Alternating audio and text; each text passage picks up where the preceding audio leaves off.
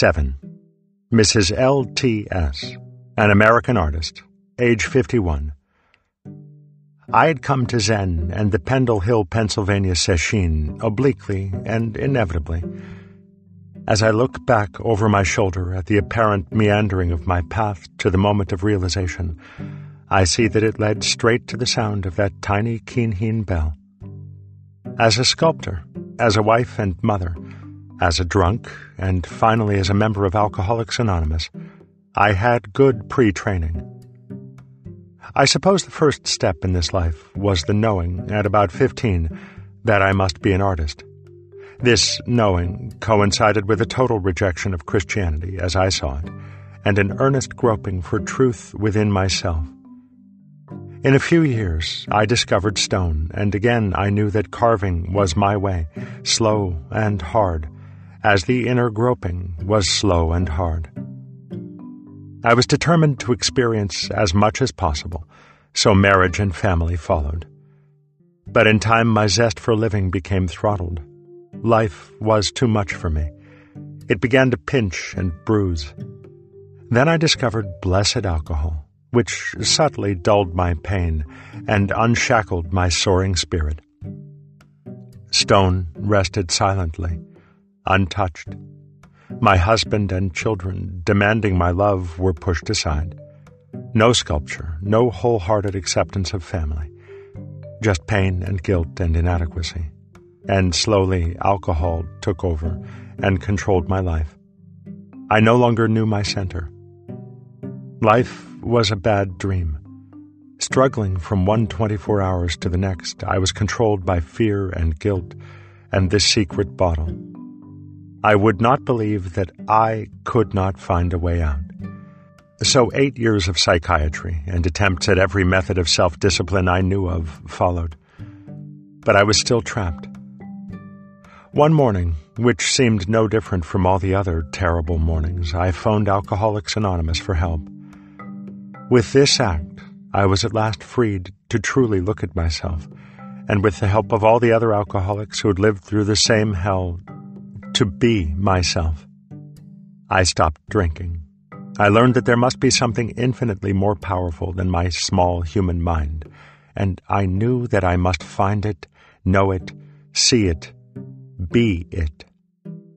My search had begun.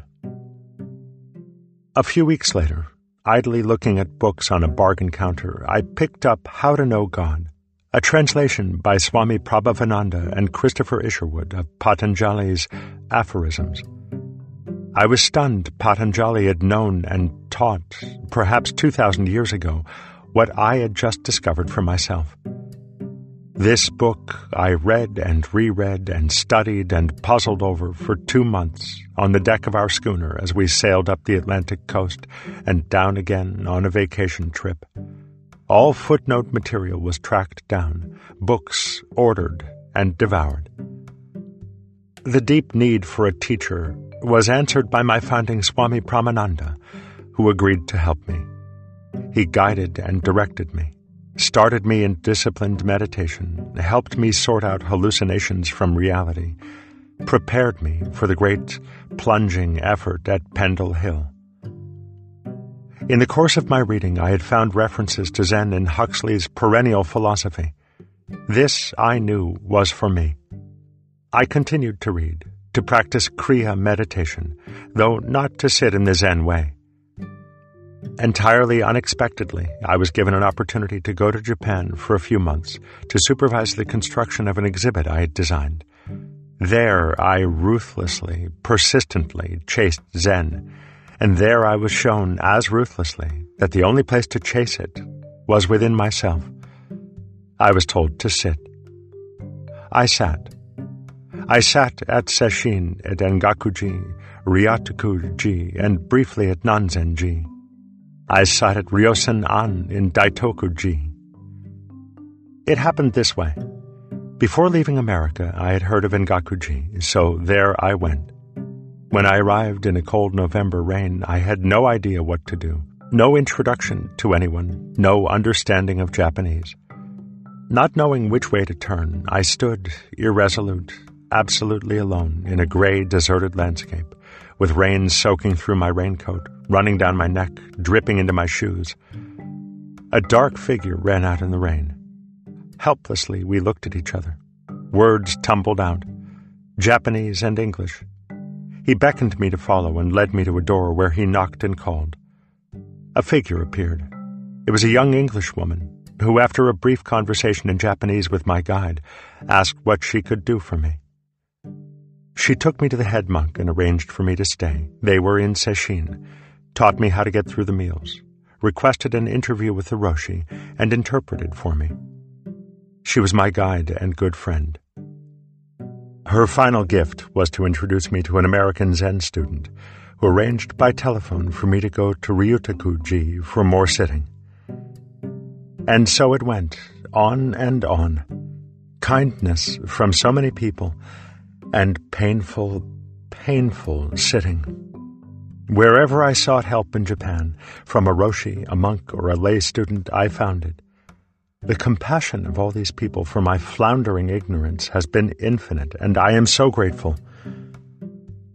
The ting of that tiny bell at Pendle Hill Sesshin was the shock the force that crumpled walls that had been gently eroding through four years of Zazen, and before that, five years of Kriya Yoga, every day, every night. Patiently, stubbornly, I had sat, sat, sat. Sometimes a long time, sometimes a few minutes, but always, always, every day. Sitting patiently had become so familiar that I accepted it as naturally and uneventfully as breathing. When I arrived at the Pendle Hill Sesshin, I had never seen Yasutani Roshi before. His monk interpreter I had met at Ryutaku-ji, where I had attended a sesshin four years earlier.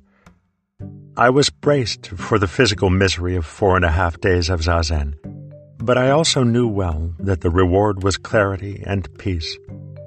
After attending the sesshin in Delaware conducted by Nakagawa Roshi in 1961, I had jotted down I feel that I've been turned inside out, shaken and rinsed in pure, clear water.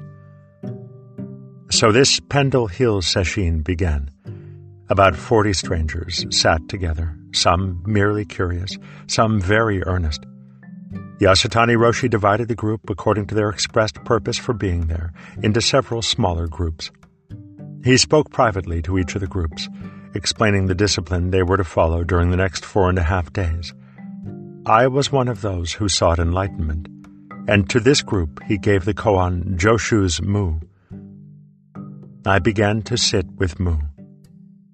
The first day, Mu was no hot iron ball. In fact, it was a heavy lump of lead in my belly. Melt that lead, the Roshi commanded. But it would not melt.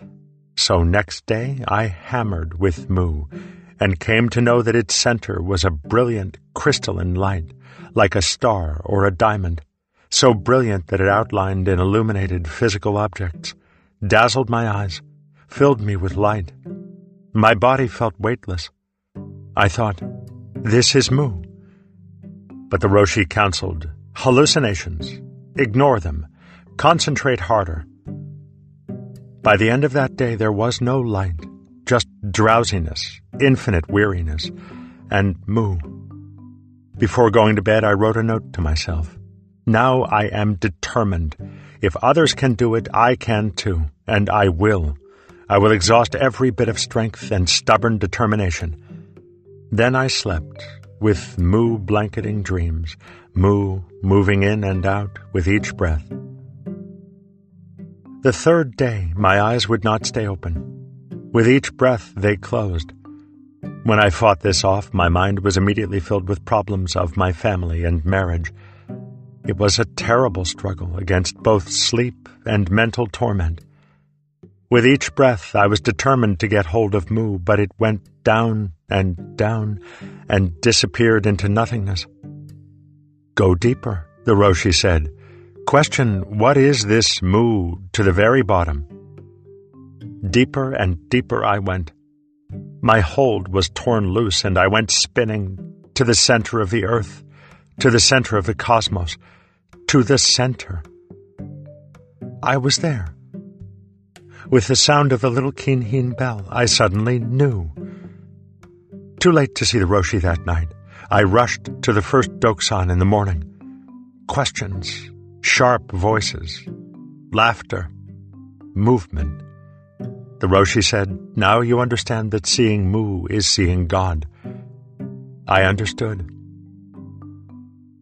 After miscellaneous koan zazen at the Brewster, New York sesshin several weeks later, I feel clean. I feel free. I feel ready to live every day with zest, by choice. I am delighted by the adventure of each moment. I feel as though I have just awakened from a restless, disjointed dream. Everything looks different. The world no longer rides heavily on my back. It is under my belt. I turned a somersault and swallowed it. I am no longer restless. At last, I have what I want. 8. Mrs. D.K., a Canadian housewife, age 35. Canada and the United States. The early years of my life were quiet and uneventful. No tragedy touched me and my parents were devoted to the bringing up of myself and my two sisters. It could almost be called an ideal childhood by most Western standards. Even from the first, though, there were recurrent periods of despair and loneliness which used to seep up from no apparent source, overflowing into streams of tears and engulfing me to the exclusion of everything else. At these times, the painful feeling of being entrapped was overpowering and simply to be a human being a wretched and ignominious lot.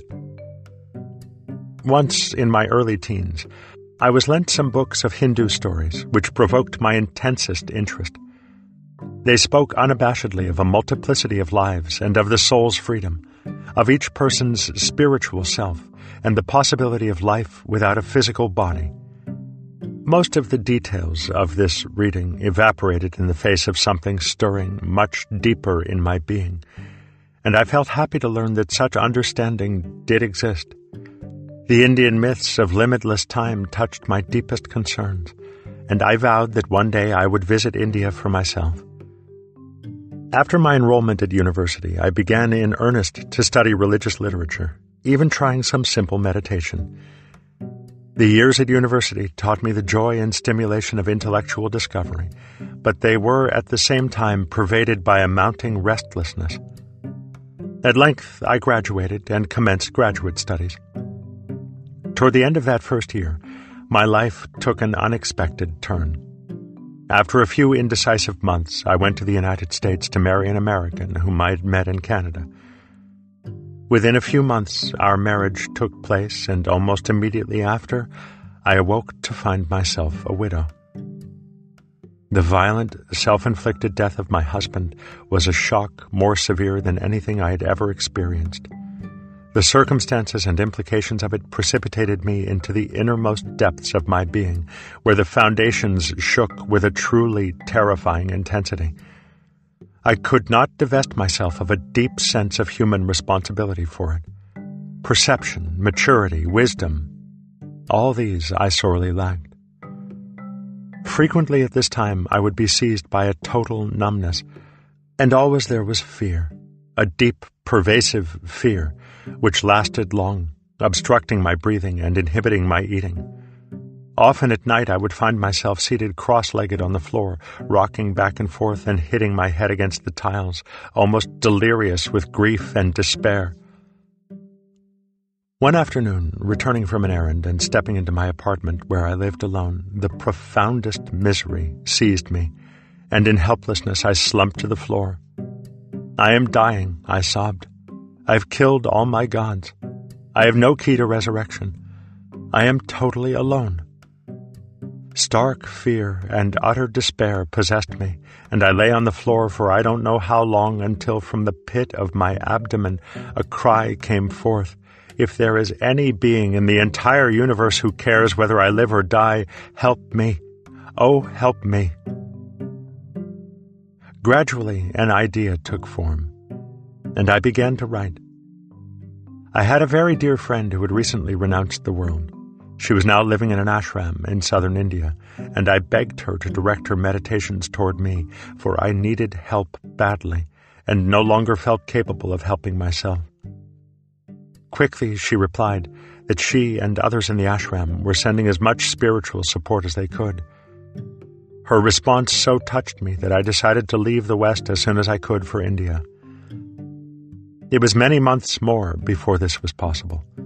All my energies were now harnessed into winding up my husband's estate and selling my belongings. At last I sailed, exhausted, to India, intending to stay there until I had found an enlightened teacher. Exactly three years had passed since I had come to the United States. India and Burma. One hot afternoon, two months after my departure from New York, I entered the compound of the large ashram where my friend was living. Silently, I was ushered into her tiny room, and such was my relief when she came to greet me, gentle and smiling, that I fell into a fit of tears, my arms became paralyzed, and I began to faint. Without my fully realizing it, the years in the United States had been so fraught with inner tension and struggle that I could not spontaneously adjust to this tranquility. The tautness of mind and body continued for a long time from force of habit. The ashram, set on the shores of the Bay of Bengal, was rejuvenating. But metaphysical speculation and philosophical discussion are strong in India, and I'd always been quick to succumb to them. While part of me was stimulated by them, my deepest instincts warned me that they would in the end prove unavailing. A regimen which encouraged so much study and reading, it seemed to me, was at that particular time the very thing I should not have. I felt a growing need for closely guided meditation. My mounting dissatisfaction with what I took to be haphazard meditation at the ashram coincided with the visit of an American Buddhist who had practiced Zen in Japan for a number of years. What impressed me most about this American was the serenity with which he mingled with and absorbed himself in all the varied circumstances he encountered in the ashram, and his compassionate interest in the lives of all whom he encountered, including my own so full of desperate and uneven strivings. I determined to go to Japan if I could get his help. This he unstintingly gave, together with the assurance of helping me find a Zen teacher there. Following my departure from the ashram, I traveled up and down India, visiting at other ashrams, exploring archaeological sites, and absorbing the rich lore and pervasive religious atmosphere of Buddhist and Hindu holy places the shrines, temples, and caves with which India abounds. An overwhelming intensity of spiritual vision informs her architecture and mighty cave sculpture, so that it is impossible to step into these caves without being swept up by this religious fervor. Standing before the giant rock cut Buddhas, I fairly trembled in awe, and my resolution to follow the Buddha's path was given the most powerful impetus. I had long hoped to visit Burma, which I had pictured as being second only to Tibet in its unique concern with religion as the foundation of daily life. So when my American friend wrote that of all the Southeast Asian Buddhist countries, the meditation centers of Burma were reputed to be the best, suggesting that I join him in the center of a famous Burmese master, Mahasi Sayadaw, in Rangoon for five weeks of intensive meditation, I jumped at the chance. Now began my first formal practice of meditation under the guidance of a teacher, and in every direction it proved to be extremely painful. The hot season had already settled in when I reached Rangoon, and I early contracted a fever, together with a racking cough, both of which lasted almost until I left and considerably debilitated me. In addition to the frightful heat and lethargy it fostered, there was the unremitting strain of sitting alone in a small, bare cubicle on a wooden plank bed, hour after hour, struggling against the searing pains in knees and back from cross legged sitting. For the beginner, lacking the support of others sitting in the same room and the structure of a varied timetable as in Zen in Japan, sitting alone is unbearably difficult and one soon finds oneself seeking means to escape from the tedium and pain. The meditation itself consisted of concentration on the rising and falling of the breath, the attention being focused on the diaphragm. When the mind wandered, which it repeatedly did, it was to be recalled by the words thinking, thinking, thinking, until it had been re-established in the diaphragm. Every other distraction was similarly treated coughing, coughing when one coughed, hearing, hearing when any sound captured the attention. An hour's sitting alternated with an hour's walking, which was done for the most part at a funereal pace, back and forth outside each person's quarters in perfect silence. The hands were held behind the back and the mind was concentrated on nothing, only the movements of each step. Lifting, lifting when the foot was raised, moving when it was carried forward, putting when it was placed on the ground. Each day at noon we met with our preceptor, a senior monk, who examined us on our progress. He asked minute questions and called for detailed accounts of sitting time. When I complained to him that my frequent mental wanderings were due to boredom, he laughed and told me to think bored, bored, bored until the boredom vanished. To my surprise, this worked. Like everyone else, I had to sign a pledge upon entering the center to observe the Buddhist precepts and to refrain from eating after 12 noon or sleeping more than five hours a night. Food was brought to my door twice before noon in tiffin carriers, and I ate it alone while meditating, lifting, lifting, putting, putting, chewing, chewing, swallowing, swallowing. In just this way, the tiniest detail of every action, mental as well as physical, had to be attended to with total attention. Here in the center, for the first time in my life, I was relegated to a position socially below men, and further as a laywoman devotee to the lowest stratum of all in a structure which placed monks at the top, nuns next, then laymen, and finally laywomen. Nevertheless, I was enormously grateful for this opportunity to practice meditation, even from such a lowly position, and later came to see that it was only my ego which had led me to consider my position in the first place. At the end of five weeks, my concentration and health had improved considerably, in spite of, or because of, the acute pain and discomfort which I had of my own free will undertaken. The turning of the mind from outer activity to inner contemplation was by far the most rewarding task I had ever undertaken, and unquestionably the most difficult. The outside world, when I re entered it, appeared radiantly beautiful to my fresh gaze, and I had a serenity and equanimity which, while not yet deep, surpassed anything I had hitherto experienced. I knew I had taken my first step in the direction I wanted to travel. Japan and Zen. The very day of my arrival in Japan, my American friend conducted me to Ryutaku-ji, a Rinzai monastery perching like a giant bird amidst groves of towering pines and bamboo in the shadow of majestic Mount Fuji and looking down upon a rolling valley of breathtaking beauty. Through the generosity of its master, Soen Roshi, this was to be my home for the next five months. Under his benevolent guidance, I began to learn the structure and discipline of monastery life.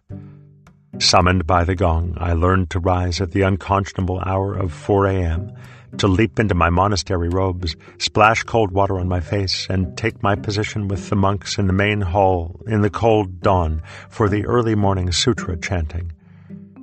The intoning of the sutras became one of the richest experiences of my life and inspired me profoundly. Slowly, my impatient nature began to break down, and some measure of equanimity began to establish itself within me. The long hours spent shivering on agonizing knees in a drafty hall, awaiting my turn to go before the Roshi for Sanzen, and forced upon me a patience I had not believed myself capable of. The hours of daily zazen, and even more of sesshin, were also painfully learned lessons in patience and endurance, punctuated as they were by the smart whack of the kyosaku across my slumping shoulders. Partly it was this Rinzai method of using the stick from the front in response to a gestured request, which conditioned my later acute dislike for the kyosaku when it was administered, as it is in the Soto discipline, suddenly and without warning from behind as one sits facing the wall. And partly it was my Western heritage which had taught me to regard beating as a human indignity. My decision to marry again took me from this Rinzai monastery, and I joined the Soto Zen group to which my husband belonged at Taihei-ji, in the outskirts of Tokyo, under the direction of Yasutani Roshi. Because almost all the followers of this Zen master are laymen and laywomen, the sesshin is less rigidly scheduled than in a monastery in order to allow them to attend as much of it as their jobs permit. Consequently, there is much coming and going, which in the beginning is highly distracting. The outwardly rigorous discipline which monastery life enforces had here to be assumed by each individual personally. I soon perceived that beneath the apparently relaxed air of the Sesshin was an intense seriousness. The limited quarters of this temple brought me into closer contact with the others, and I found I could no longer retire alone to my tiny room to sleep at night but had to content myself with just a mat spread out in a room occupied by many others. Doing zazen in these, for me, straitened circumstances was somewhat of a jolt after the strict but spacious atmosphere of the monastery. After a few sesshin at the temple, however, I came to see that sitting with individuals who, like myself, were neither nuns, monks, nor priests, was mutually stimulating and inspiring. The Rohatsu Sesshin at Taihei-ji was approaching, and my feelings toward attending were mixed. I had heard several reports of this yearly midwinter sesshin from people who had experienced it in monasteries. It was known to be the most arduous of the whole year, a constant battle against cold and fatigue. I had a deep fear of extreme cold. My body would become so tense from shivering that I could not keep my sitting position and under great fatigue I would become almost lightheaded. These two I regarded as my real foes. At the same time, the fact that it marked the enlightenment of the Buddha, which event fell just one day before my own birthday, moved me deeply. At length I determined to go and put forth my every energy. This was my sixth sesshin in Japan. For the first time, I had the firm conviction that it was entirely possible for me to realize myself at this forthcoming sesshin. I also felt that I sorely needed it. For many weeks there had been a return of the old restlessness and anxiety which I had fought so hard while in the United States. This was now mixed with impatience and irritability. Added to this, I was sick to death of the inner mental and emotional surgings which had hitherto played such a dominant role in my life, and now felt that only through the experience of self realization could I cut my way out of this malaise. I packed my warmest clothes, and as I turned the key in the lock, a feeling of deep happiness crept over me. In my heart of hearts, I knew that the person who would unlock this door after Sesshin would not be the same as the one who was now locking it. All the first day of the Sesshin, I found it virtually impossible to keep my mind steady. The comings and goings of the other participants, as well as the noise and confusion occasioned by the use of the kyosaku, were a source of constant interference. When I complained to the Roshi how much better my zazen had been alone in my own home, he instructed me to pay no attention to the others, and pointed out how important it was to learn to meditate in distracting circumstances. At no time during the sesshin, however, was I hit with the kyosaku. I had found it so distracting at a previous sesshin that the Roshi had given instructions it was not to be used on me. By the end of the second day, my concentration had grown steadier. I no longer had great pain in my legs, and the cold was bearable with all the clothing I had brought.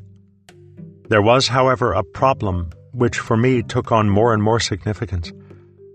I had been told repeatedly to put my mind in the pit of my abdomen, or more exactly, in the region below the navel.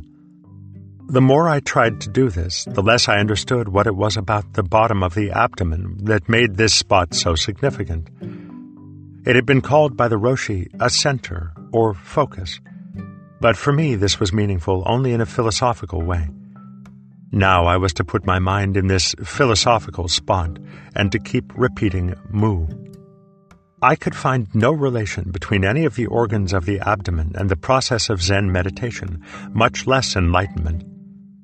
The Roshi, it is true, had assigned me the koan mu after satisfying himself of my earnest desire for self-realization, and had instructed me as to its purpose and use. Nevertheless, I was still perplexed about how to say mu. Earlier, I had tried considering it the same as the Indian mantra Om, endeavoring to be one with its vibration, and without questioning what mu was. Now I began to conceive of mu as the diamond at the end of a drill, and of myself as a driller working through layers of the mind, which I pictured as geological strata, and through which I was eventually to emerge into something I knew not what. On the morning of the third day, I was truly concentrating, guided by the drilling analogy. I could now focus my mind somewhere in my abdomen without, however, knowing just where. And there was growing a rock like stability to my sitting. By mid morning, just after the Roshi's lecture, I settled into a fairly deep concentration, increasing the force of each breath, which had been synchronized with the repetition of Mu. I expected this increase of effort to strengthen the concentration even further, after some 15 minutes, the combination of this forceful breathing and the repetition of mu began to produce a strange tingling in my wrists, which spread slowly downward to the hands and fingers, as well as upward to the elbows. When this sensation had gotten well underway, I recognized it as identical to what I had experienced under severe emotional shock on several occasions of my life. I told myself that if I increased even further the force of my breathing and concentration, I might come to Kensho. I did this, and succeeded only in worsening the situation, finally reaching a fainting state. Just before this state erupted, I began to feel the most profound and agonizing sorrow, with which came violent shivering spasms and a gnashing of my teeth. Nervous paroxysms shook my body again and again. I wept bitterly and writhed as though a torrent of electricity were surging through me. Then I began to perspire profusely. I felt that the sorrows of the entire universe were tearing at my abdomen and that I was being sucked into a vortex of unbearable agonies. Some time afterward, I can't say how long, I remember my husband ordering me to stop zazen and to lie down and rest. I collapsed onto my sitting cushion and began to shiver. My hands were now quite stiff. Neither my fingers sticking out at odd angles nor my elbows would bend. My head whirred and I lay exhausted. Slowly, the nerves relaxed. In half an hour, all had subsided. My energies had returned and in all respects I was ready to resume zazen. In the afternoon dokusan, the Roshi immediately asked what had happened. When I told him, he said it was a makyo, and to keep on doing zazen. Such things could happen from now on, he warned. They showed my meditation was deepening. He then instructed me to search for mu in the region below the solar plexus. With the words solar plexus, Suddenly, everything fell into position for the first time. I knew exactly where I was going and what I was to do. The next morning, the fourth day, I awakened with the bell at 4 a.m. and found that I had not separated myself from Mu even while asleep, which was what the Roshi had continually urged.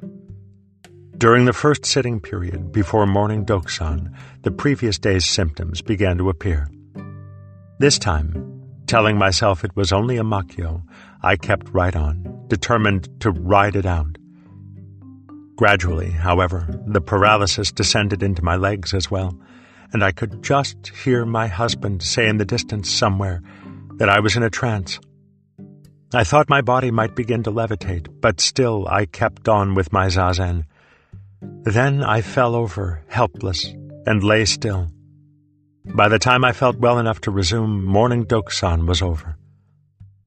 I began to consider that I must be doing something wrong, misdirecting my energy in some way.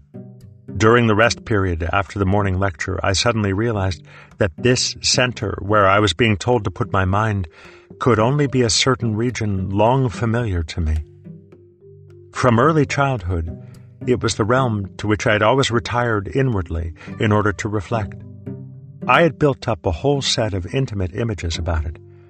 If I ever wanted to understand the truth of a situation, it was to this particular area that I must go to consider such problems, which had to be approached in a childlike frame of mind, free from prejudices.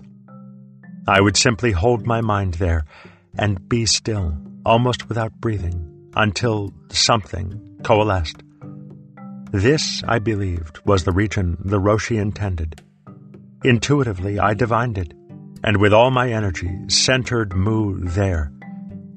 In perhaps half an hour, a warm spot began to grow in my abdomen, slowly spreading to my spine and gradually creeping up the spinal column. This was what I had been striving for. Highly elated, at the next Dokusan, I told the Roshi that I had found the spot and described its functioning to him as I had always experienced it. Good, he exclaimed. Now go on. Returning to my place, I threw myself into zazen with such vigor that before long the paralysis began to manifest itself again, the severest attack yet. I could not move at all, and my husband had to help me lie down, covering me with blankets. While lying there recuperating, I thought, my body is obviously unable to stand up to the strain I am putting on it. If I am to see and to move, it must be done with my mind alone, and I must somehow restrain the physical and nervous energies, which will have to be conserved for the final effort. This time, when I recovered, I tried to concentrate my mind without voicing or thinking Mu, but found it difficult. In practice, it meant actually divorcing concentration from breathing rhythm. However, after repeated efforts, I did accomplish it and was able to hold my mind steady in my abdomen as though staring intently at something, and just let my breathing take any rhythm it inclined to. The more I concentrated with my mind in my abdomen, the more thoughts, like clouds, arose. But they were not discursive. They were like stepping stones, directing me. I jumped from one to the next, constantly moving along a well-defined path which my own intuition bade me follow. Even so, I believed that at some point they must disappear, and my mind become quite empty, as I had been led to expect before Kensho. The presence of these thoughts signaled to me that I must still be far from my goal. In order to conserve as much energy as possible, I relaxed my posture, and to warm myself, pulled the blanket, which had been loose around my body, up over my head. I let my hands fall limply into my lap and unlocked my legs to a loose, cross-legged position. Even that small amount of energy placed at the disposal of my mind increased its concentrative intensity. The following morning at Dokusan, the fifth day, the Roshi told me I was at a critical stage and not to separate myself from Mu for a single instant Fearing that the two remaining days and one night might not be sufficient time, I clung to Mu like a bulldog with its bone, so tenaciously, in fact, that bells and other signals became dim and unreal. I could no longer remember what we were supposed to do when signals sounded, and had to keep asking my husband what they meant. In order to keep up strength, I ate heartily at every meal, and took all the rest the Sesshin schedule allowed. I felt like a child going on a strange new journey, led step by step by the Roshi. That afternoon, going out for a bath, I walked down the road thinking about Mu. I began to get annoyed. What is this Mu, anyway? I asked. What in the name of heaven can it be? It's ridiculous. I'm sure there's no such thing as mu. Mu isn't anything, I exclaimed in irritation. As soon as I said it was nothing, I suddenly remembered about the identity of opposites. Of course, mu is also everything. While bathing, I thought, If Mu is everything, so is it the bath water, so is it the soap, so is it the bathers. This insight gave fresh impetus to my sitting when I resumed it. Each morning at about 4.30, it was the Roshi's custom to inspect and address all the sitters. Using the analogy of a battle in which the forces of ignorance and enlightenment were pitted against each other, the Roshi urged us to attack the enemy with greater vigor. Now he was saying, You've reached the stage of hand-to-hand combat. You may use any means and any weapons. Abruptly, at these words, I found myself in a dense jungle, breaking through the darkness of the thick foliage, with a great knife swinging at my belt, in search of my enemy. This image came again and again, and I supposed that with Mu, I was somehow to overcome the enemy upon whom I was now closing in for the final dispatch. On the afternoon of the sixth day, in my imagination, I was again slashing a path through the jungle, babbling to myself and searching ahead for an opening in the darkness and waiting for the flood of light which would mean I was at the end of my trail. Suddenly, with a burst of inner laughter, I realized that the only way to overcome this enemy when he appeared was to embrace him. No sooner had I thought this than the enemy materialized before me, clad in the costume of a Roman centurion, his short sword and shield raised in an attack. I rushed to him, and in joy flung my arms about him. He melted into nothingness. At that instant, I saw the brilliant light appear through the darkness of the jungle. It expanded and expanded. I stood staring at it, and into its center leapt the words, Mu is me. I stopped short. Even my breathing stopped. Could that be so? Yes, that's it. Mu is me, and me is Mu. A veritable tidal wave of joy and relief surged through me. At the end of the next round of walking, I whispered to my husband, How much am I supposed to understand when I understand Mu? He looked at me closely and asked, Do you really understand? I want the Roshi to test me at the next Dokusan, I said. The next Dokusan was some five hours away. I was impatient to know whether the Roshi would confirm my understanding. In my heart of hearts, I was certain I knew what Mu was, and I firmly told myself that if my answer was not accepted, I would leave Zen forever. If I was wrong, then Zen was wrong. In spite of my own certainty, however, since I was still unfamiliar with Zen expression, I felt I might not be able to respond to the Roshi's testing in appropriate Zen fashion. Dokusan finally came, and I asked the Roshi to test me. I expected him to ask only what Mu was. Instead, he asked me, What is the length of Mu? How old is Mu? I thought these were typical Zen trick questions and I sat silent and perplexed. The Roshi watched me closely, then told me that I must see Mu more clearly, and that in the time remaining I was to do Zazen with the greatest possible intensity. When I returned to my place, I threw myself into Zazen once more with every shred of strength. Now there were no thoughts. I had exhausted all of them. Hour after hour I sat, sat, and sat, thinking only Mu with all my mind. Gradually the heat again rose in my spine. A hot spot appeared between my eyebrows and began to vibrate intensely. From it, clouds of heat rolled down my cheeks, neck, and shoulders. I believed that something must surely happen, at the very least an inner explosion. Nothing did happen except that I experienced recurring visions of myself seated cross legged on a barren mountainside, meditating, and trudging doggedly through thronged cities in the scorching sun. At the next Dokusan, I told the Roshi about these visions and sensations. He told me that a good way to bring this vibrating center, now between the eyes, back to the solar plexus was to trace a pathway for it by imagining something like honey sweet and viscous, trickling downward.